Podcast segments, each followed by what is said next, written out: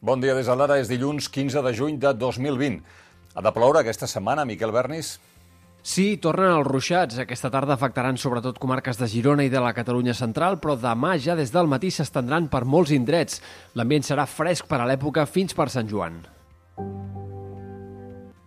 Una notícia d'aquesta nit, un grup de veïns organitzat ha atacat amb pedres un pis de Premià de Mar on viuen joves migrants, tal com ha denunciat a través de les xarxes la unitat contra el feixisme i el racisme, que ha compartit imatges on es veu el llançament d'objectes i els insults als joves. El vídeo també mostra com Mossos i policia local han anat al lloc dels fets i els joves que atacaven l'edifici s'hi han encarat.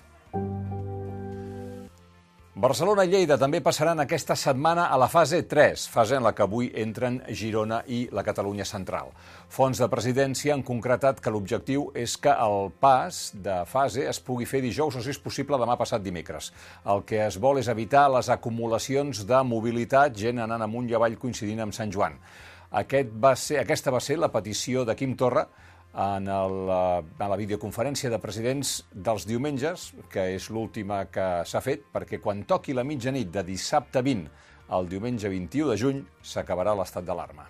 Mañana lunes, en el Procicat, eh, vamos a proponer que toda Cataluña pase ya a la, a la fase 3, vistos los resultados eh, de la evolución de la, de la, epidemia hasta ahora, y que esta fase 3 se implante ya durante la misma semana, sin tener que esperar siete días más porque creemos que los resultados ya, ya lo avalan. Pedro Sánchez va dir que això depenia de les autoritats sanitàries, però no hi haurà inconvenient. I el president del govern espanyol, però ja a la roda de premsa, va parlar de la taula de diàleg. En relación con la mesa de diálogo, sí, ya lo he dicho en muchas ocasiones, desde luego no tendré ningún problema en que se celebre en el mes de julio, entre otras cosas porque significará que esta emergencia sanitaria está definitivamente superada, que será una extraordinaria, extraordinaria noticia para todos. Dissabte a la nit s'obriran les fronteres espanyoles pels països de l'espai Schengen, excepte Portugal, que ha demanat obrir una setmana més tard. I avui arriben a Mallorca 47 avions amb turistes alemanys. Són part d'una prova pilot del govern alemany. Els turistes, una mena de conillets d'Índies, aniran a la platja de Palma i a la badia d'Alcúdia. Han pagat 200 euros per una setmana a mitja pensió, vol inclòs. I Pedro Sánchez també va anunciar ahir un pla de suport al sector de l'automòbil dotat amb 3.750 milions d'euros més de 1.500 aquest any, 2.200 a partir de l'any que ve. El pla inclou ajudes per valor de 250 milions d'euros a la renovació del parc de vehicles per un altre vehicle més eficient. I a França, el president francès Emmanuel Macron va anunciar que a partir d'avui tot el territori continental del país passa a la zona verda. Dilluns de la setmana que ve, dia 22, les guarderies, escoles i instituts acolliran tots els alumnes de manera obligatòria i segons les regles de presència normal, de manera que els nens i nenes francesos tornaran a l'escola durant 12 dies, perquè el curs acaba el 4 de juliol. I bars i restaurants de la regió de París ja podran acollir clients a l'interior, eh, com, ja passa, com ja passava ara a la resta del país. Tornem a Catalunya per explicar que l'actual presidenta de l'ANC, Elisenda Pelusier, ha tornat a guanyar les eleccions al secretariat de l'ANC amb uns 6.000 vots, 6.078, 1.000 més que els que va obtenir fa dos anys. En segona posició s'ha situat el periodista i exdiputat de la CUP, Antonio Baños, 5.283 vots, que ja va descartar anar de president de l'entitat per motius laborals. Pelusier ha dit a l'ara que no s'esperava treure més vots que fa dos anys, tot i el desgast que implica estar sempre en primera posició. I ara una com un cova. El Tribunal Suprem ha tombat el decret de la Generalitat Valenciana d'usar només el català quan el govern valencià es comunica amb el català o el balear.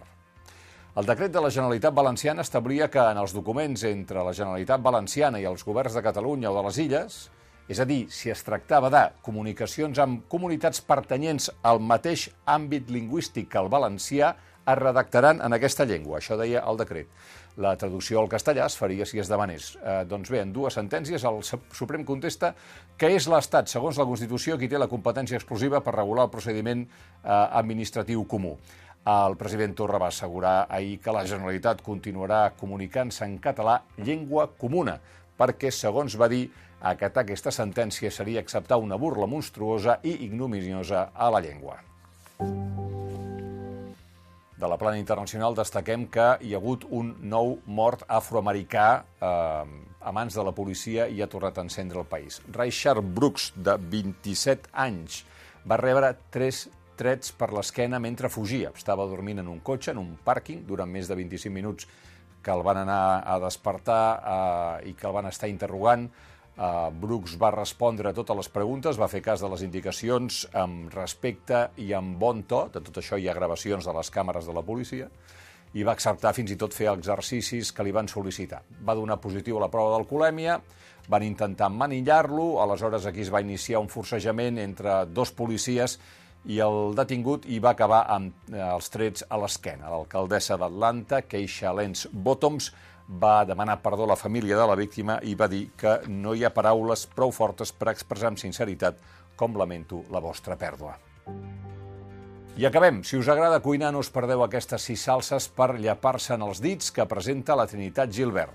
Salsa de tomàquet, de pesto, cèsar, balandra, salmorreta i romesco.